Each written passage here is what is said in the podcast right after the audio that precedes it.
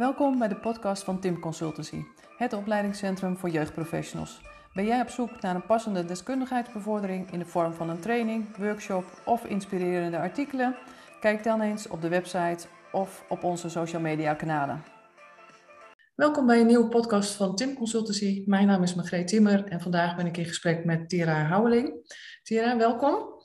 Dankjewel. Je Ja, je werkt bij de Raad voor de Kinderbescherming. Um, kan je iets vertellen over wat voor functie je daar hebt, wat voor werk je daar doet?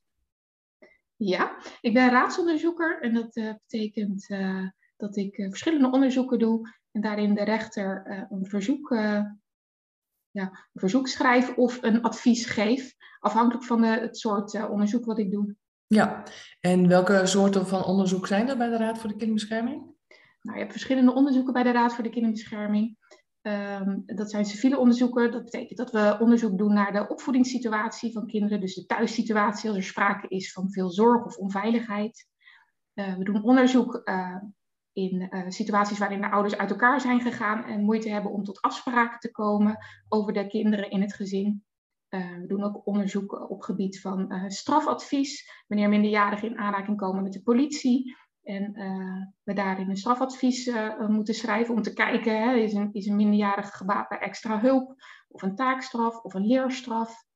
En we geven ook uh, in schoolverzuimzaken geven we ook advies wanneer er sprake is van veelvuldig schoolverzuim. En dan kijken we ook naar de thuissituatie en de ontwikkeling van de minderjarigen om te kijken hoe kunnen we dat doorbreken, wat is daarvoor nodig.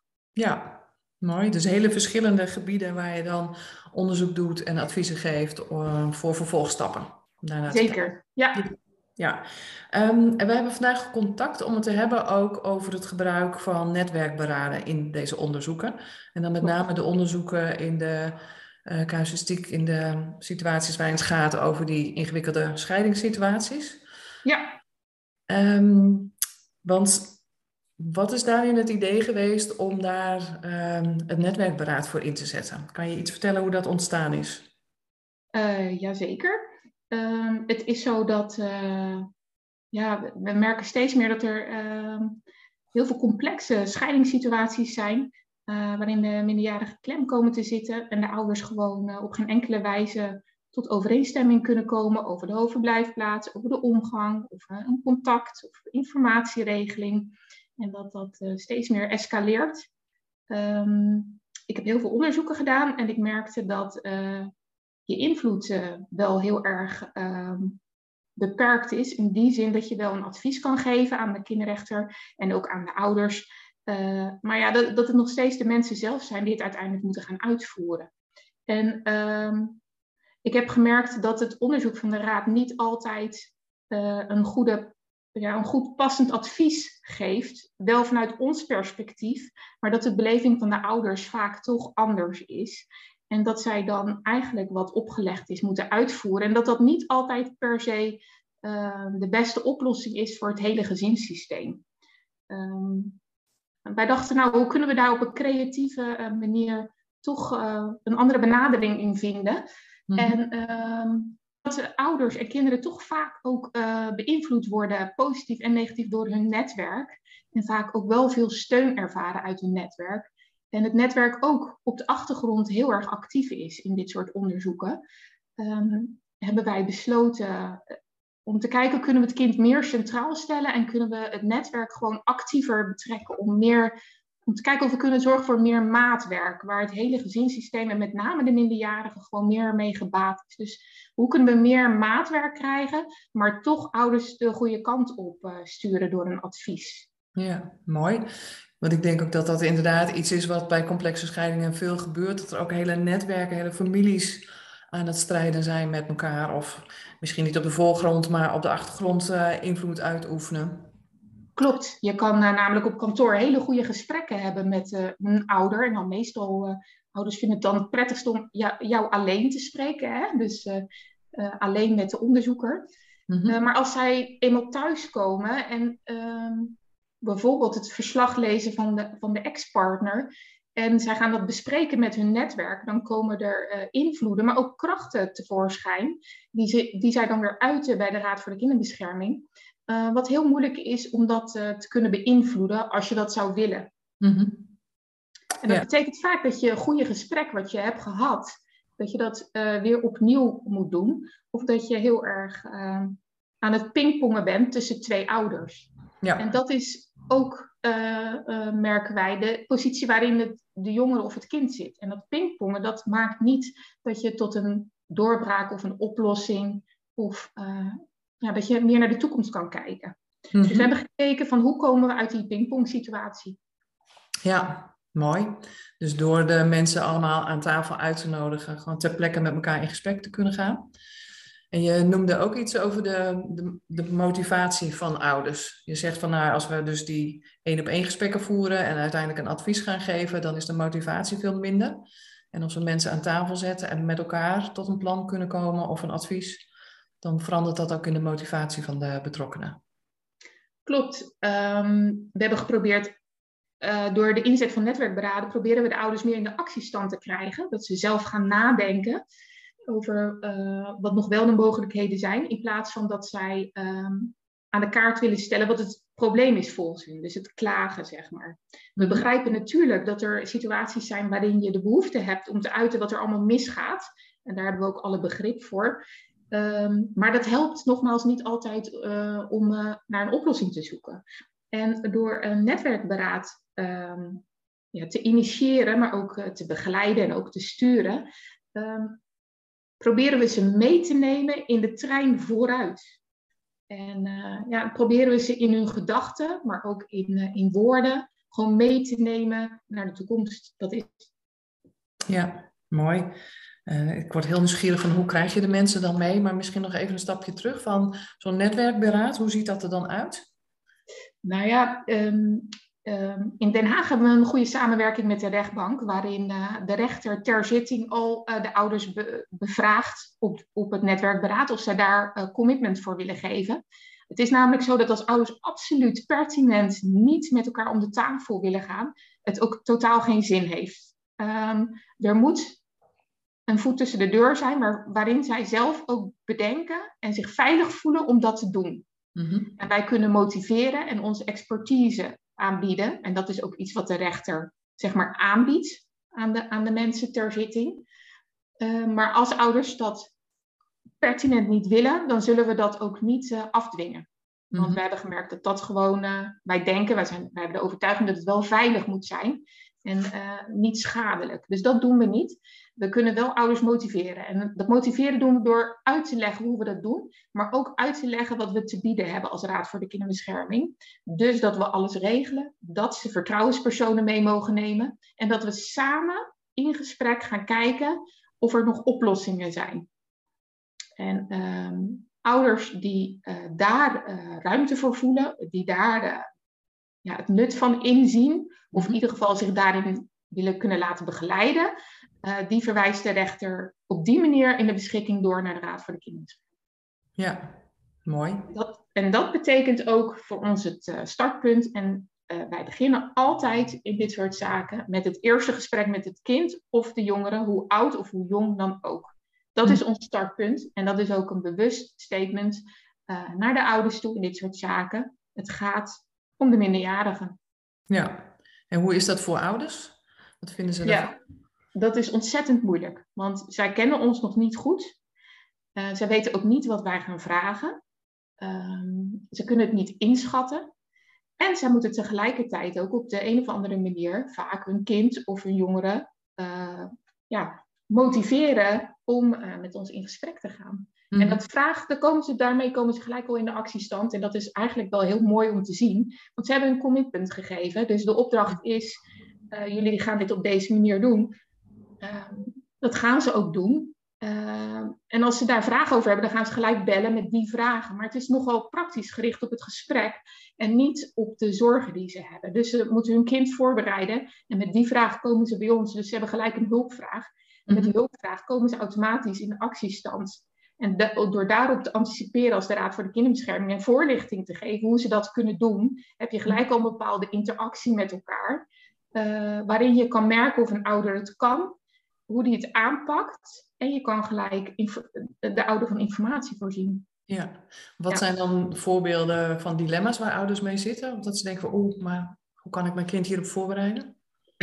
nou, um, ouders vinden het best wel, uh, die stellen de vraag wel aan ons, gaan jullie, uh, gaan jullie uitleg geven over het netwerkberaad? En dat gaan wij altijd gelijk ook doen in het eerste gesprek. Wij gaan het kind of de jongere uitleg geven over het netwerkberaad op hun eigen niveau.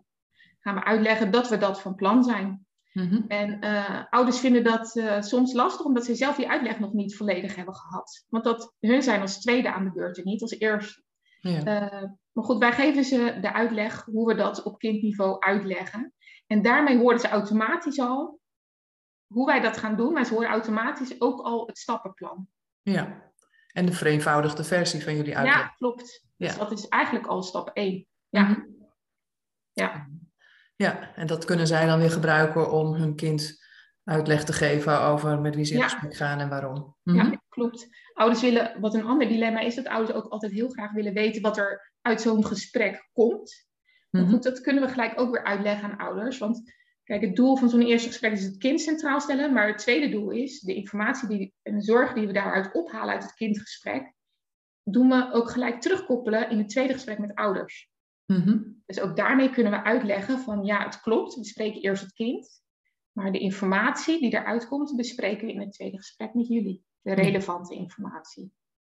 Ja, ja. dat is mooi transparant. Dan komt het weer op tafel te leggen wat een kind ja. verteld heeft. Ja. ja. en uiteraard doen we de samenvatting maken met het kind en de jongere zelf. Dat is bij de raad eigenlijk vanzelfsprekend. En ik hoop ook dat iedereen het begrijpt. Maar dat doen we aan het eind van het kindgesprek. Bespreken we dat natuurlijk ook met de jongeren of het kind zelf. Van dit gaan we meenemen mhm. in onze tas naar het netwerkberaad en naar jullie ouders toe.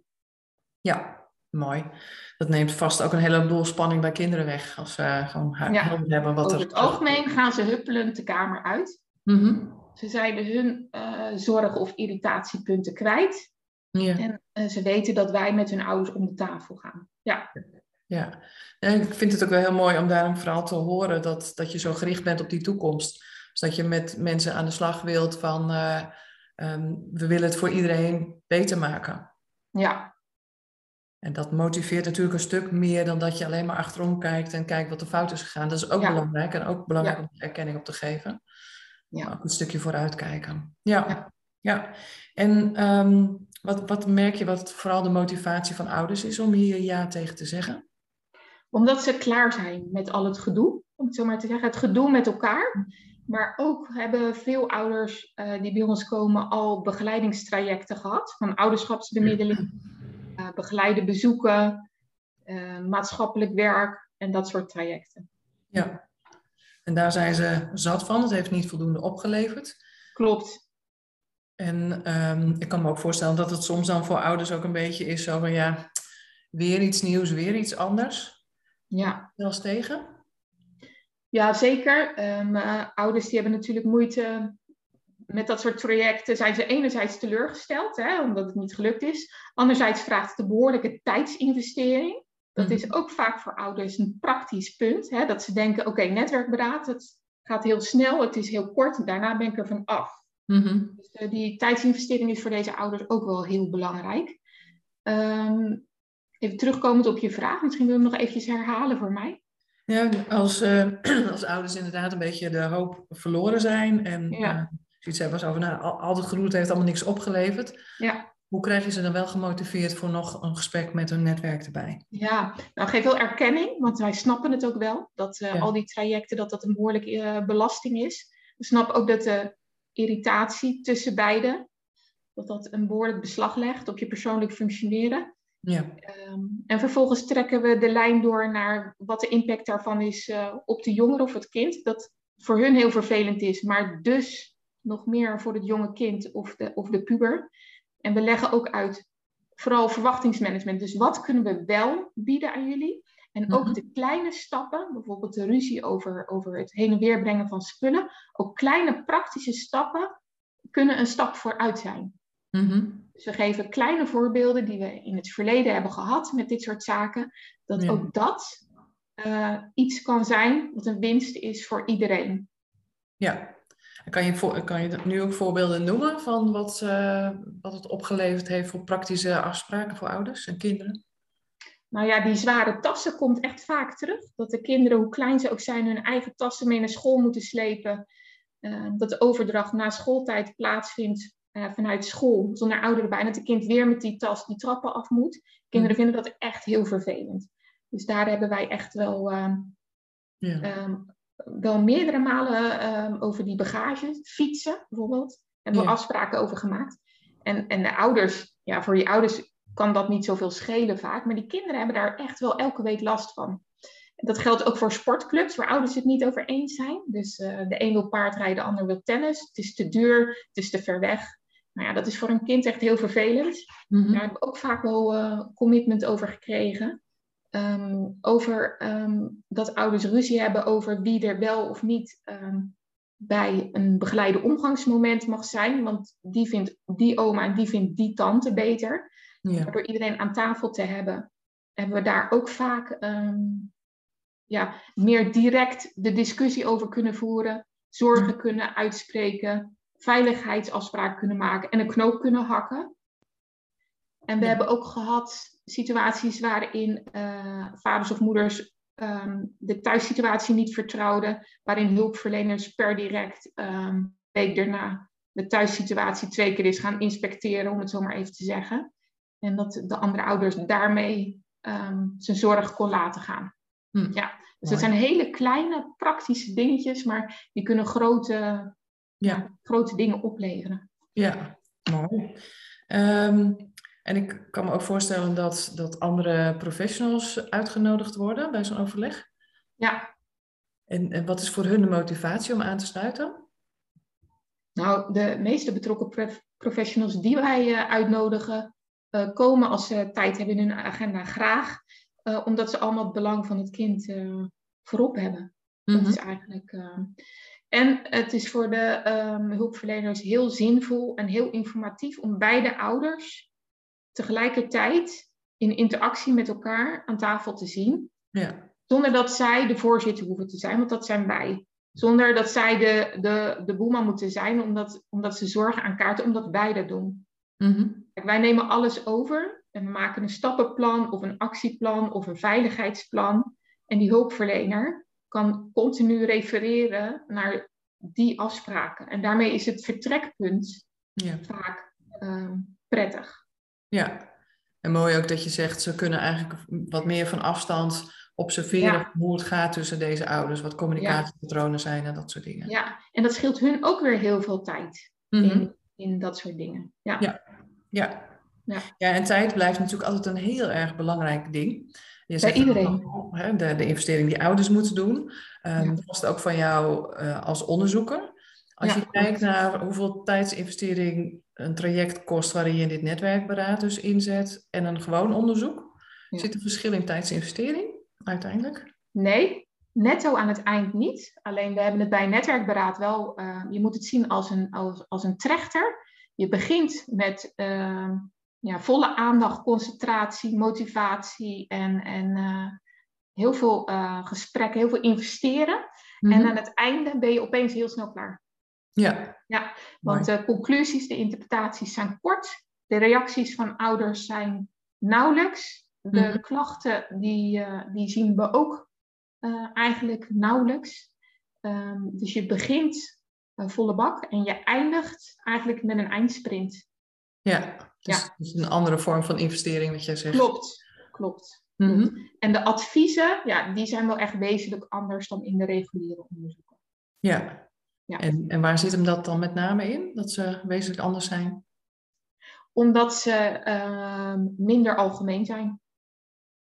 Ja. Het zijn uh, over het algemeen adviezen die smart zijn. Dus met een tijdspad, met, met een verwijzing naar een andere hulpverlening, met een aantal weken waarbinnen wie uh, wat gaat doen. Mm -hmm. met een concrete omgangsregeling. Met een vervolgafspraak in de zak voor contactherstel bij onze gedragswetenschapper. Ja. Ja. ja. mooi. Ik denk dat dat heel helpend is voor mensen om inderdaad gewoon hele praktische, uitvoerbare adviezen met elkaar op te stellen. Ja. ja. Maar nogmaals, daar zijn wij wel heel erg sturend en begeleidend in. Dus we nemen de ouders mee in dat mhm. proces. Ja. ja. ja. En dat is natuurlijk, hè, wanneer ouders daarin een stukje autonomie voelen, dat ze meedenken, mee. Ze zijn natuurlijk zelf ook gewoon prima in staat om, om te reflecteren op hun eigen situatie. Soms wel, ja. Ja, dat is vertroebeld nog wel eens door alle strijd ja, natuurlijk. Maar dat, ja. het is voor We proberen de ouders en het kind in hun kracht te zetten. Dus we gaan niet mm zozeer kijken naar wat heb je allemaal niet zo handig gedaan. Of wat, wat moet je nog leren. Mhm. We kijken meer van waar liggen je mogelijkheden. En wie kan jou daarbij uh, ondersteunen vanuit je netwerk? Wie kan jou helpen om, om wat jij goed kan, zeg maar, uit te vergroten? Ja, mooi. En jullie beginnen met het kind. Uh, zijn de kinderen ook aanwezig bij het netwerkberaad? Ja, die worden uitgenodigd afhankelijk van de leeftijd. Kinderen van 1, 2, 3, 4, die zijn echt wel te klein. 5 ook. Um, maar kinderen vanaf een iets oudere, ja, lagere schoolleeftijd, uh, die nodigen we wel uit. We maken altijd wel een goede inschatting van tevoren samen met de gedragswetenschapper. Mm En we checken het ook altijd bij de ouders, maar ook onze eigen observatie tijdens het kindgesprek speelt daar een belangrijke rol in. Maar wij vinden het heel waardevol om, de, om, de, om die kinderen en die jongeren de eerste tien minuten en de laatste tien minuten aanwezig te laten zijn. Ja. ja. En dat komt omdat we ze willen laten zien van hé, hey, er is een probleem. En daarvoor gaan we met z'n allen aan tafel. Het is niet jouw probleem. Uh, de, het gaat om de volwassenen en de volwassenen gaan het ook oplossen. En mhm. daarin is jouw wens ook voor ons belangrijk. Die laten we de kinderen uitspreken. Wat is je wens? Ja. De kinderen krijgen de wens mee van alle volwassenen. Wat is de wens voor jou? En vervolgens laten we de ouders aan het einde van het netwerkberaad aan het kind uitleggen van hé, hey, wat is wel gelukt? Wat mhm. is niet gelukt? En waar komt nog hulp voor? Ja, mooi het klinkt ook heel mooi dat je ze inderdaad die wensen voor het kind laat uitspreken allemaal. De, de wensen van het kind zelf, maar ook welke wensen hebben andere mensen uit het netwerk voor de kinderen. Ja. ja. Wat, wat voor wensen worden er dan bijvoorbeeld uitgesproken? Ik wens dat jij contact mag hebben met je vader en je moeder. Ik wens dat jij niet meer hoeft na te denken over je spullen en je sport. Ik wens dat jij uh, gewoon alles kan zeggen tegen zowel je vader en je moeder. Dat je daar niet over van tevoren hoeft na te denken. Mhm. En ik wens dat jij je broertjes en zusjes gewoon zo vaak mogelijk kan zien als dat jij wil. Dat je op een fijne manier je verjaardag kan vieren. Mhm. Dat je niet hoeft te kiezen met wie je op vakantie wil. Dat soort dingen. Ja. Maar ook, um, ja, ik wens dat jij uh, gewoon gelukkig bent dat soort dingen. Ja. ja. Dus vanuit hele praktische dingen die ze voor kinderen opgelost ja. wensen. Ja. Maar ook zo'n hele mooie, ik wens dat je gelukkig bent. Ja, ja. ja, klopt. Ja. Ja. ja. En dan uh, is dat dus het gesprek met de volwassenen. En aan het eind komen ze weer terug om dan te horen van wat het plan uh, is. En ja. Nou ja, ook mooi wat je zegt van, nou, dit is al gelukt. Wat is nog niet gelukt? Waar is nog hulp bij nodig? Ja. Het geeft denk ik ook een heel realistisch beeld voor kinderen dan. Ja, want heel vaak lukken natuurlijk dingen ook niet. Hè? We hebben het wel over complexe situaties. Ik bedoel, het is niet heel makkelijk om dit in goede banen uh, te leiden. Het is, dat zegt tegen iedereen, het is niet heel makkelijk, maar het is wel echt uh, heel mooi en uitdagend. En ook, ja, het vraagt ook van de onderzoeker mm -hmm. om gewoon in mogelijkheden te denken. Ja. En, uh, en dat, ik vind het heel belangrijk dat kinderen ook weten binnen het onderzoek van de Raad wat we hebben geprobeerd en wat, er, wat wij vinden dat er nog nodig is. Mm Dat zij dat ook horen van hun ouders, hè? want ze krijgen aan het einde één verhaal terug. Ja. En nogmaals, ook dat is niet makkelijk voor ouders. Maar als ze daar moeite mee hebben, kunnen ze ook per direct weer die hulpvraag bij ons neerleggen. Van hoe ga ik dit vertellen? Hoe dan? En dan kom je weer uit die ja. maar in de actiestand. Mm en, en dat willen we de ouders meegeven. Ja. ja. ja. en het klinkt ook dat je niet eerder loslaat dan dat je met elkaar daar een goed verhaal hebt wat teruggekoppeld kan worden. Nee, zeker niet. Mm zeker dus, niet. Ja, ja dus nou ja. Een stukje vasthoudendheid vraagt dat, vraagt creativiteit van je als onderzoeker. Wat, wat nog meer? Wat heb je nog meer als onderzoeker nodig om dit te kunnen doen? Nou, je moet wel een beetje ehm, eh, humor hebben ook en overtuigingskracht. Mm want hoe zeker jij bent en hoe, dingen jij kan relativeren, ook in die sfeer neem je de ouders gewoon wel mee. Ja. Het is wel gewoon een feit. Um, het is ook een feit dat de situatie altijd wel één keer escaleert tijdens het netwerkberaad met woorden. Mhm. Dus ook daarin moet je gewoon open zijn naar ouders, dat dat kan gebeuren en dat dat niet erg is. Dus Spreek goed je verwachtingen uit. Leg goed uit wat je wel kan en wat je niet kan. Af en toe een grapje. En als ze nerveus zijn van tevoren, inderdaad, en ze stellen een aantal vragen, neem daar dan ook eventjes de tijd voor. dus het, het, vraagt ook gewoon investering in motivatie, uitleg en geruststelling. Ja. En uh, wees creatief in oplossingen, inderdaad. Als je geen omgang voor elkaar krijgt, zorg dan dat er een leuk belcontact is. Als je over de hoofdverblijfplaats het ingewikkeld blijft, zorg dan dat ze wel contact kunnen hebben met die ene tante die ze zo missen. Ja, mooi. Dus ook belangrijk een stukje humor hebben. Uh, stevig staan, zeg je. Ja. Ehm, en ik denk, ja, dat, is al een hele mooie, wat je zegt van dat stukje humor, relativeringsvermogen. Ehm, dat dat ook heel, in hele ingewikkelde zaken uh, belangrijk is. Ja. ja. ja. Wat, wat, wat, is de grootste winst voor ouders als ze, als ze op deze manier uh, door het onderzoek zijn gekomen? Ja, de grootste winst is dat ze in ieder geval een poging hebben gewaagd om eh, met elkaar uh, aan tafel te zitten en hun netwerk. Hè, dus dat ze een stap geprobeerd hebben om een stap vooruit te nemen. Mm Dat ze zichzelf geactiveerd hebben en gemotiveerd. Dat vind ik wel heel waardevol. Dat ze het kind het vertrouwen hebben gegeven om mee te doen aan het netwerkberaad en hun verhaal te doen. Want dat is ook wel hartstikke knap hoor. Want uh, het is nogal wat als je aan tafel moet zitten en je kind legt precies de vinger op de zere plek. Mm respect voor alle ouders die dat uh, incasseren. Ja. Uh, dus dat vind ik ook wel mooi. En ehm, ik denk dat de ouders op deze manier ook uh, de raad voor de kinderbescherming anders leren kennen.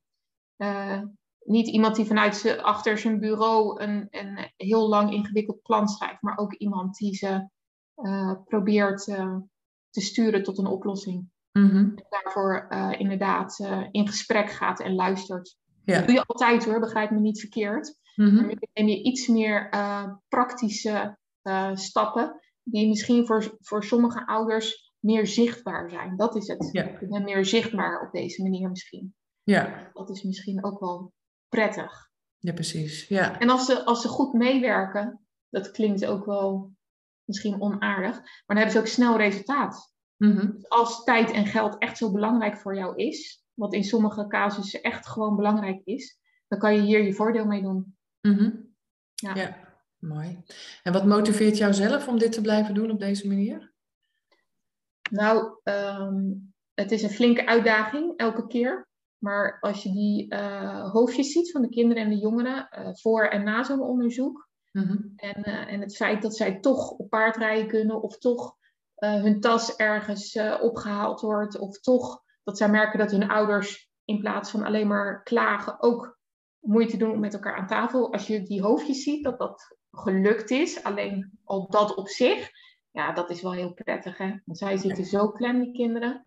Dat is gewoon, ja, ja, precies. En om dan te zien wat het effect hiervan is. Ja. Dat ze er stappen vooruit kunnen doen. Uh, ja. ja. En begrijp me niet verkeerd, soms lukt het ook niet hè, om tot overeenstemming te komen. Mhm. Maar dan, uh, dan is het uh, onderzoek zo informatief voor de rechter dat hij veel beter een besluit kan nemen.